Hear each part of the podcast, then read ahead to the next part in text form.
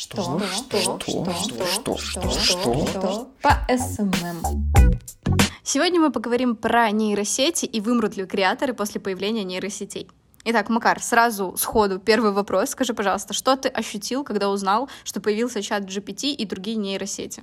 Гэта сапраўды такое добрае пытанне тому что у ўсіх сваіх спрэчках раней я адстойваў такую пазіцыю што робот агулам гэта добра тое што там з'яўляюцца роботы пылысосы не ведаю там іншыя роботы все магчымыя там касы самаабслугоўвання так далей я лічу што гэта супер круто uh -huh. калі мне казалі што так а з чым же будуць займацца людзі я адказваў ну камон ліфцёраў же зараз няма ў ліфтах няма там не ведаю трубачыстаў і неяк мы жывём і тыя людзі таксама неяк ну прыспасобілись да жыцця нічога глобальна не змянілася і зараз калі там будуць замест касіраў касцам абслугоўвання таксама выжывем і людзі знайдуць чым ім займацца але са з'яўленнем нейрасетак я сапраўды задумаўся тому что першы раз у жыцці я подумаў что блин я ж магу стаць тым самым трубачыстам ну, которые вымерлі по факту і зараз няма такой прафесіі ну окей может быть там не ведаюць где-нибудь у Англіі у Брытаніі один турбачыст ходит і чысціць всім значит этой трубы у кого они там засталіся ну, факту, не, ну, ты профессии... уже что-то кніжак перечытался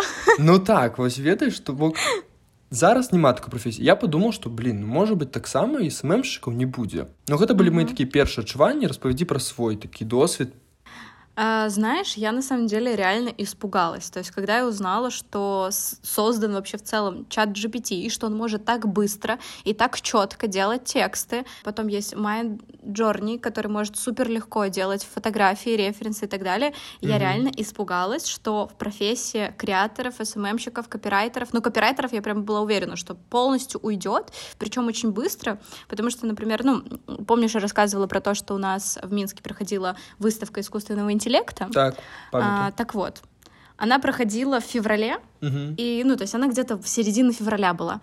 И уже, ну, выставка сама где-то до, по-моему, 9 апреля, если я не ошибаюсь. Я ходила в середине марта, и уже та информация, которая там была, то есть те картинки, какие-то визуалы и так далее, они уже смотрелись какими-то заезженными. То есть, когда только открылась эта в целом выставка, все люди ходили и просто вообще обалдевали, выкладывали себе в соцсети, что вау, искусственный интеллект. И когда я пришла в середине марта, я просто такая, ну, блин, да, картинки, да, я их видела уже в социальных сетях, да, я их видела в любых пабликах. И после этой мысли мне стало реально страшно, потому что я понимаю, что нейросети развиваются и входят в наш обиход реально супер быстро. Но я скажу сейчас, во-первых, я уже ввела их полностью в свою работу, чтобы немножко ее автоматизировать. И в целом стало реально не так страшно. Я даже рада, что работа станет быстрее и удобнее. То бок ты лічыш што універсітка на сённяшні дзень гэта хайп умоўна кажучы як там у пачатку года ці калі там былі папулярны метаўселенныя так калі ўсе там рабілі свае калекцыі у метавселенных калі там актыўна бренды пачыналі развіваць метаўселеннай калі Facebook стаў метай гэта быў такі хайп ведаеш да да да я помню но знаешь наверное что-то между то есть я думаю что нейросети не уйдут совсем как метавселенные скажем ну точнее не потеряют такой хайп хотя бы потому что это реально облегчает жизнь то есть люди ленивые Э, для того, чтобы, например, найти запрос, там, не знаю, зеленые шарики в тундре, для этого как бы нужно прочекать очень-очень много страничек в Google, очень много пролистать сайтов, а теперь можно написать просто в чат GPT, задать свой какой-то вопрос и буквально сразу же получить ответ на это все. Поэтому я думаю, что нейросети просто активно войдут в обиход, но именно, знаешь, мне кажется, как немножко поисковой запрос и поисковой ресурс. Ну, вось глядзі, я скажу на сваім досведзе на сённяшні дзень чат GPT стаў такім часткай майго жыцця. Это правда. Не толькі працы напрыклад але ну і агулам у жыцці. То бок калі там мне трэба загугліць нейкую інфармацыю трэба там знайсці нейкі сінонім да слова я не ведаю. Калі мне есть нейкае пытанне ну просто вось я не ведаю там як сварыць макароны. Uh -huh. ну я умоўна скажу так. Я там не буду пісаць яго на сённяшні дзень ў Google я напишу яго ў чат GPT тому что у гугле там тебе трэба зайсці на першую спасылку на другую на третью на пятую на десятую знайсці нейкі рецепт чат GPT ты можешь сказать напиши мне три розных рецепта uh -huh. і он адразу выдаст тебе нейкія рэцэптуры і ты можешь імі скарыстацца але тут трэба адзначыць что я яго выкарыстоўваю не як фінальны нейкі варыянт uh -huh. я заўсёды прашу яго написать там 3 5 10 варыянтаў пасля чаго собираю гэты все варыянты у один ці два і потым ну показываю кліенту Мгм. Чаму я так раблю Таму что нейрасетка все роўна яшчэ не умее считывать нейкі месседж бренда ты напэўна разумееш аб чым я Да, кажу да, да, да, да. яна все яшчэ выдае такія тэксты даволі класічныя стандартныя не ведаю як назваць Сухие, наверное. так вось яна сапраўды выс- ну такія сухаватыя тэксты ты конечно можешь ему написать там что напиши там весёлы пост альбо там нават не ведаю взять з брифінга нейкі абзац про бренд і написать вот ему напиши у такой стылістыкі все роўна тэксты будут выглядаць так ну даволі звычайна але калі ты вось задаеш ему пытанне напиши три розных тэксты а потым выбираешь ну з- камбінуеш іх паміж сабой у тебя сапраўды атрымліваецца добры Мгм. варыянт які ну можа спадабацца кліенту і там ну я ведаю, там у 70соткаў падабаецца Слушай, я прям вот очень надеялась, что ты скажешь э, эту фразу, что мы не используем финальный вариант после того, как э, чат GPT сделал текст, чтобы все немножко понимали. Все так, как ты говоришь, то есть на самом деле тексты получаются очень какими-то костными. Мгм. Я Так. пыталась сделать какой-то ему бриф, при этом говорила, что вот используй вот эти вот эти слова, позиционирование бренда такое, такое-то, вот это не упоминай. Он слышит только, ну, он слышит только отдельные слова, при этом, получается, тексты очень похожи между собой. Он использует те слова, которые я прошу не упоминать, либо же использует не их, но немножко с синонимами. То есть, например, условно, если я прошу не говори э, слово бар, он использует паб и совсем не придумывает, как это видоизменить. И я поняла, что в целом мне кажется, людям креативным не так стоит переживать из-за появления чата GPT и в целом нейросетей именно за счет того, что это машина, и ей не хватает креатива. То есть по факту нужно признать, что то, что делает чат GPT, это то, что есть в интернете. То есть он просто собирает со всех сайтов, со всех, не знаю, социальных сетей выжимку и выдает тебе самый идеальный вариант, который везде повторяется. І я заўважу что ну, даволі часто в- ну тавталогія прысутнічае Да, это вообще там одно і кошмар. то ж слово может быть там тэкст на три абзаца і ў трох абзацах будзе гэта слово И сейчас мы сделаем небольшую рекламную паузу, чтобы рассказать вам про наш телеграм-канал, который называется «Что дайджест?». збіраем все самыя галоўныя навіны падзеі інфаповады з усяго свету і адпраўляем вам іх адзін раз на тыдзень у суботу Такім чынам вы не будете стамляцца ад пастаянных паведамленняў у тэлеграме подписывайтесь натхняйтесь і развівайтесь Э, Слушай, знаешь что? Сейчас тоже расскажу вам. Мы с Макаром не так давно обсуждали по поводу авторских прав за счет чата GPT. так. И здесь опять же вариант, то есть если, например, в Инстаграме, ну окей, ты делаешь тот же пост, историю, а, не так сильно все пристают к авторским правам. Но если, например, чат GPT использует, вот как помнишь, этот скандал был, когда мальчик сделал полностью себе, ну какой-то парень, сделал полностью себе диплом, используя чат GPT. так памятаю Вот тоже здесь такой момент, когда это считается нормальным, то есть к- когда можно полностью взять весь текст, просто его скопировать, вставить. А когда это будет, ну, реально невозможно за счет авторских прав, не, реально невозможно за счет, не знаю, антиплагиата и так далее. тут нават пытанне больш да таго што гэта парушэнне аўтарскіх праў у тым сэнсе што выкарыстоўваеце тэкст які не вы напісалі Мгм. альбо вы выкарыстоўваеце візуал які не вы стварылі Окей вы напісалі нейрасеткі што вы хацеце бачыць на візуале але все роўна гэта не ваша творчасць ну то бок вы просто напісалі тры словы а вам выдалась картинка Мгм. ну вы ж не можете сказать что вы вы яе стваральнік ну гэта на дадзены момант конечно вы можете. Але у хуткім часе я ўпэўнены што будуць нейкія заканадаўчыя абмежаванні. Як напрыклад нашым тэлеграм-канале выходила навіна у італіі забаранілі чат GPT гэта сапраўды важны такі момант тому что по факту гэта першая краіна на сённяшні дзень якая забараніла нейрасетку. Ну і такое хутчэй все будзе працягвацца просто таму что краіны не могуць на гэта не рэагаваць. Да, то сейчас пока это, знаешь, еще не вошло полностью в обиход, пока это используют только некоторые люди в некоторых сферах, это одно дело. Но когда это будет нашей постоянной рутиной, спрашивать все не в Google, а у чата GPT, тогда, мне кажется, в целом государство будет заинтересовываться каждой страны, то есть, возможно, там будет какая-то запрещенка, которая вообще нельзя никак показывать э, Мгм. по законодательству той или иной страны. И вот если касаемо авторских прав, а, я помню в начале зимы был скандал с нейросетью, а, где художница а, нашла свою работу, видоизмененную, конечно, соединенную с еще какой-то, но она нашла очертания своей же работы в картинке, которую выложили от нейросети. Мгм. Да, то Цікаво. есть здесь такой момент, там девушка э, устроила прям очень грандиозный скандал у себя в историях, это разлетелось по некоторым сообществам, где говорили художники, что они опасаются, что их работы будут просто красть и выдавать за свои. То есть по факту нейросети э, берут из всех источников все ресурсы. То есть даже если, например, у девушки стояла ее картина на ее сайте, что она платная в виде открыток, там, магнитиков и прочее, то нейросеть все равно засчитала это как визуал какой-то и забрала некоторые элементы оттуда. То есть это, опять же, очень і это сложно гэта сапраўды так Таму што вось у меня напрыклад з маім сябрам была размова ну можа два тыдні таму мы размаўлялі аб тым што нейрасеткі на сённяшні дзень все роўна не ствараюць чагосьці прынцыпова новага яны выкарыстоўваюць тое што ўжо створана людзьмі uh -huh.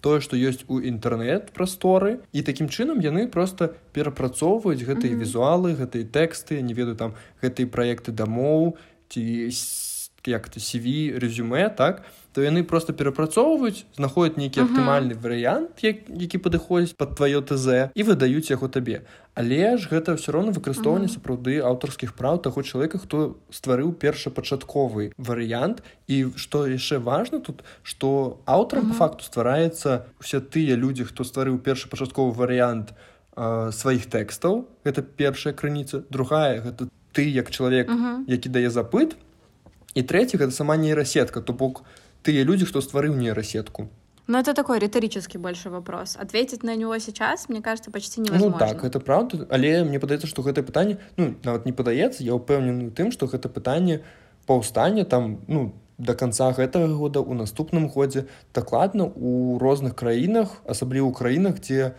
заканадаўства працуе на такім, ведаеш, узроўні абараніць усё. Рубрика. Рубрика. Макар дед.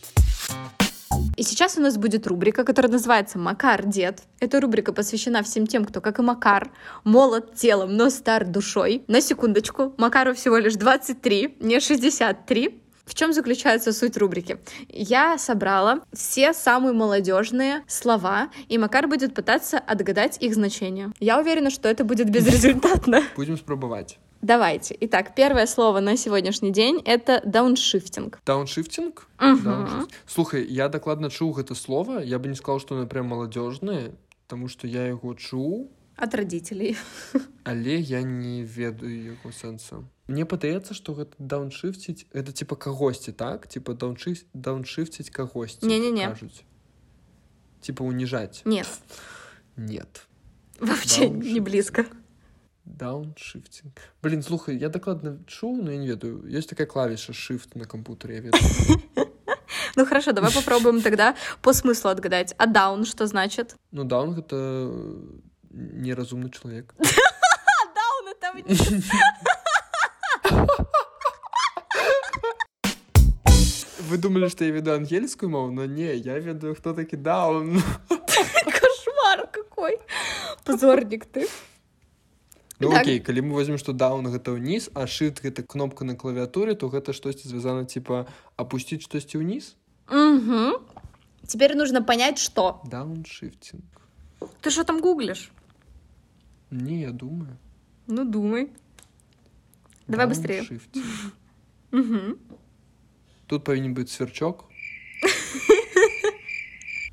рассказывай поле полетело уже Дауншифтинг — это значит, ну, что-то вроде хиппи современных. Это отказ от всего О, материального, то есть ты отказываешься от чужих целей ради себя, ради хобби, ради семьи.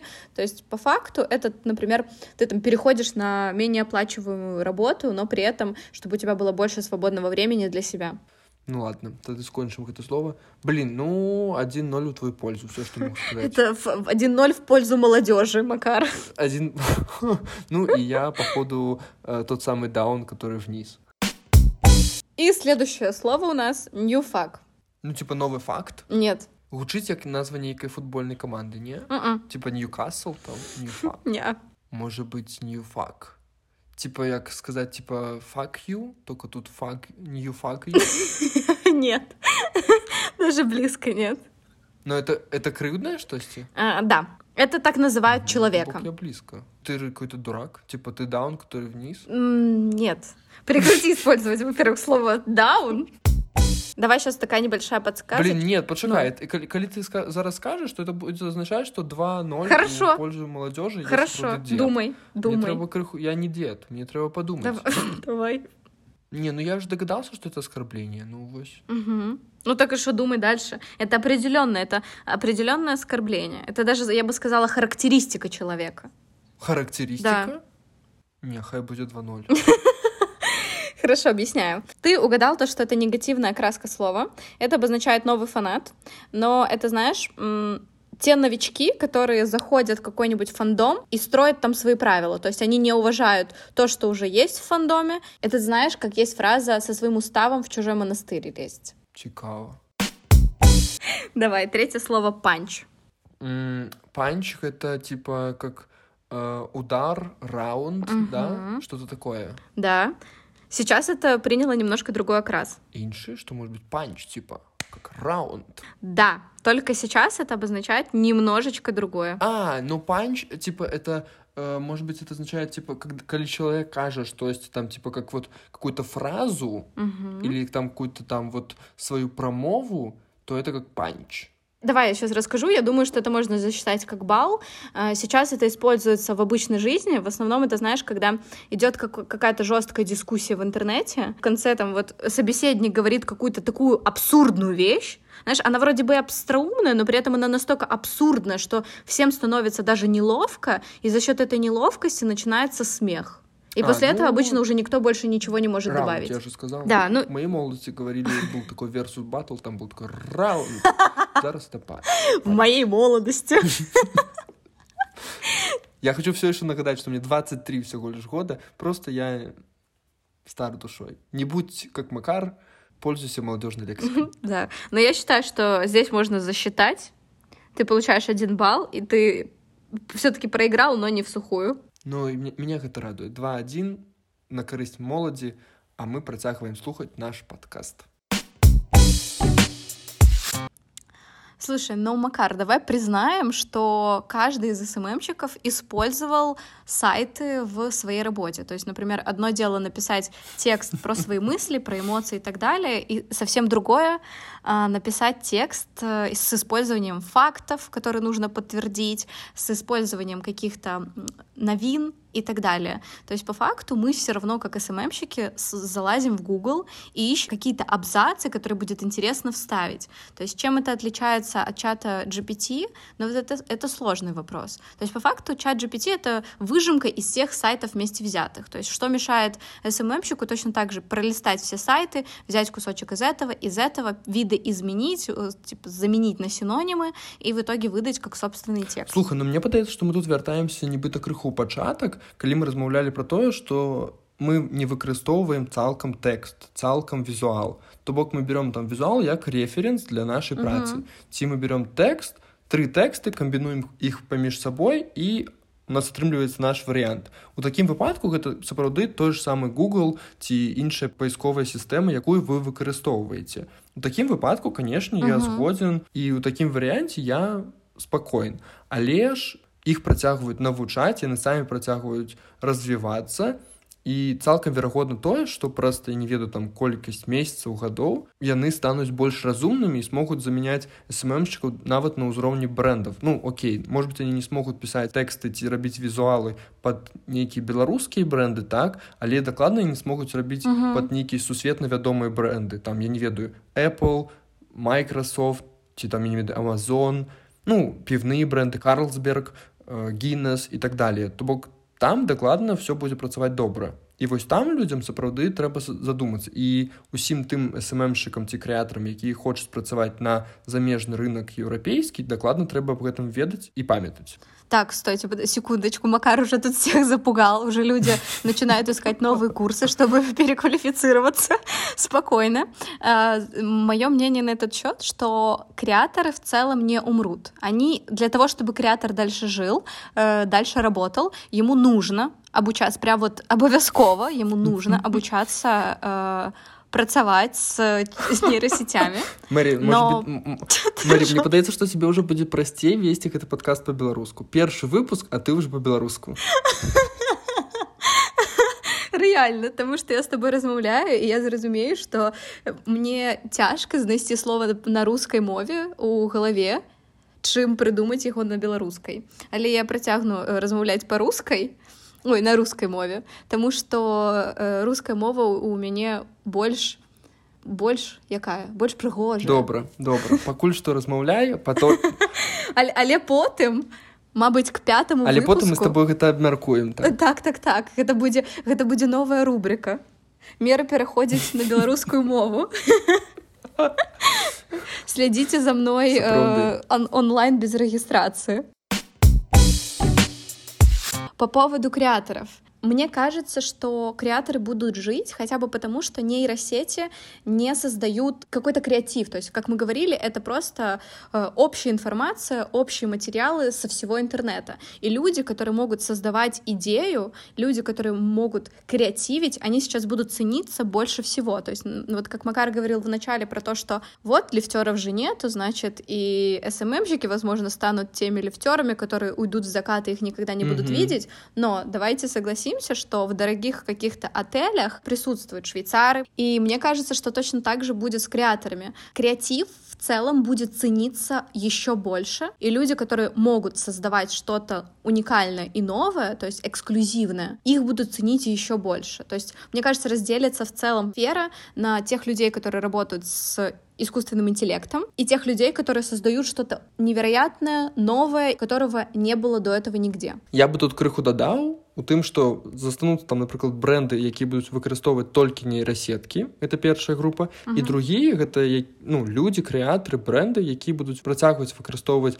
крэатыўшчыкаў сммшчыкаў не ведаю фотографаў дызайнеру так далей і пры гэтым выкарыстоўваць нейрасеткі Таму што ну як мы сказалі гэта добрыя рэферэнсы гэта добры дапаможнік тут я таксама пагаджуся з табой што на мой погляд крэатыў будзе каштаваць больш Таму што крэатыўшчыкі стануць больш што іх праца будзе больш аўтаматызавана то бок яны будуць выкарыстоўваць напрыклад нейкія нейрасеткі для пошука рэферэнсаў але будуць перапрацоўваць іх пад сабе uh -huh. і такім чынам ствараць яшчэ более крэатыўныя нейкія рэчы то бок ім не трэба будзе шукаць 10 год патрэбны колер ці патрэбны не веду там брызгі ці патрэбны выраз uh -huh. там у сказе а яны просто будуць браць гатовыя варыянты які даюць нейрасеткі. Угу. вот ну я с тобой полностью согласна. Возможно в скором времени сммчики станут менеджерами искусственного интеллекта и будут контролировать то что он создаст. Почему нет? А, еще мне кажется что ну, как я это вижу, как это будет выглядеть. То есть, например, какая-нибудь креативная команда, либо в целом креатор э, придумает в голове какую-то идею фотографии, в итоге пойдет в нейросеть, напишет полностью, что вот брызги зеленого цвета оттуда, отсюда вылетает яблоко, дальше превращается в червяка, и вместо того, чтобы сидеть часами на стоках, сидеть часами на Пинтересте, листать ленту в Инстаграме, в Телеграме, вместо этого нейросеть просто предоставит готовый вариант, исходя из того, что написал человек, и это будет проще, в первую очередь, для поиска референсов. И мне кажется, что это и правильное использование э, нейросетей, опять же, не для того, чтобы создавать контент, а для того, чтобы помогать э, реализовывать какие-то идеи. И мне кажется, что те СММщики и те работники, которые не используют нейросети, будут оставаться далеко позади. То есть это глупо говорить, что я все сделаю сам, да мне это не нужно. Ну, чувак, реально, будет быстрее, ну, объективно. Ну так, когда ты подбираешь некие референсы для фото, э, фотоздымки, так, некого продукта, ты заўсёды uh-huh. знаходишь там что-то на Пинтересте, даешь на там слайд у презентации, ты кидаешь просто клиенту и кажешь, типа, у нас будет вот так, только там, и ты начинаешь переличивать там цукерочки заменим там на колоски, там, я не ведаю, угу. брызги будут не слева, а справа, бутылька будет не одна, а три, и так далее, и так далее, и так далее. И Свет вообще смотрите не... только на атмосферу, на самом деле фотография будет другая. Так, так. Просто мне понравился здесь свет. Вось, и у таким выпадку это сапраўды дапамагае, потому что ты, як креатор и клиент, вы будете на одной хвале, и вы будете одно чакаць аднаго і таго же ну то бок uh -huh. у вас будзе прыкладны вынік того что вы атрымаеце і не uh -huh. будзе такого что ты придумал себе картинку одну взял за референс штосьці показал клиенту клиентку Вау круто клиент подумал зусім про іншае про аблокі а не про стол і, і выніку uh -huh. вы атрымліваеце зусім штосьці такое что тебе это падабаецца тому что ты ведаешь что ты хотел атрымаць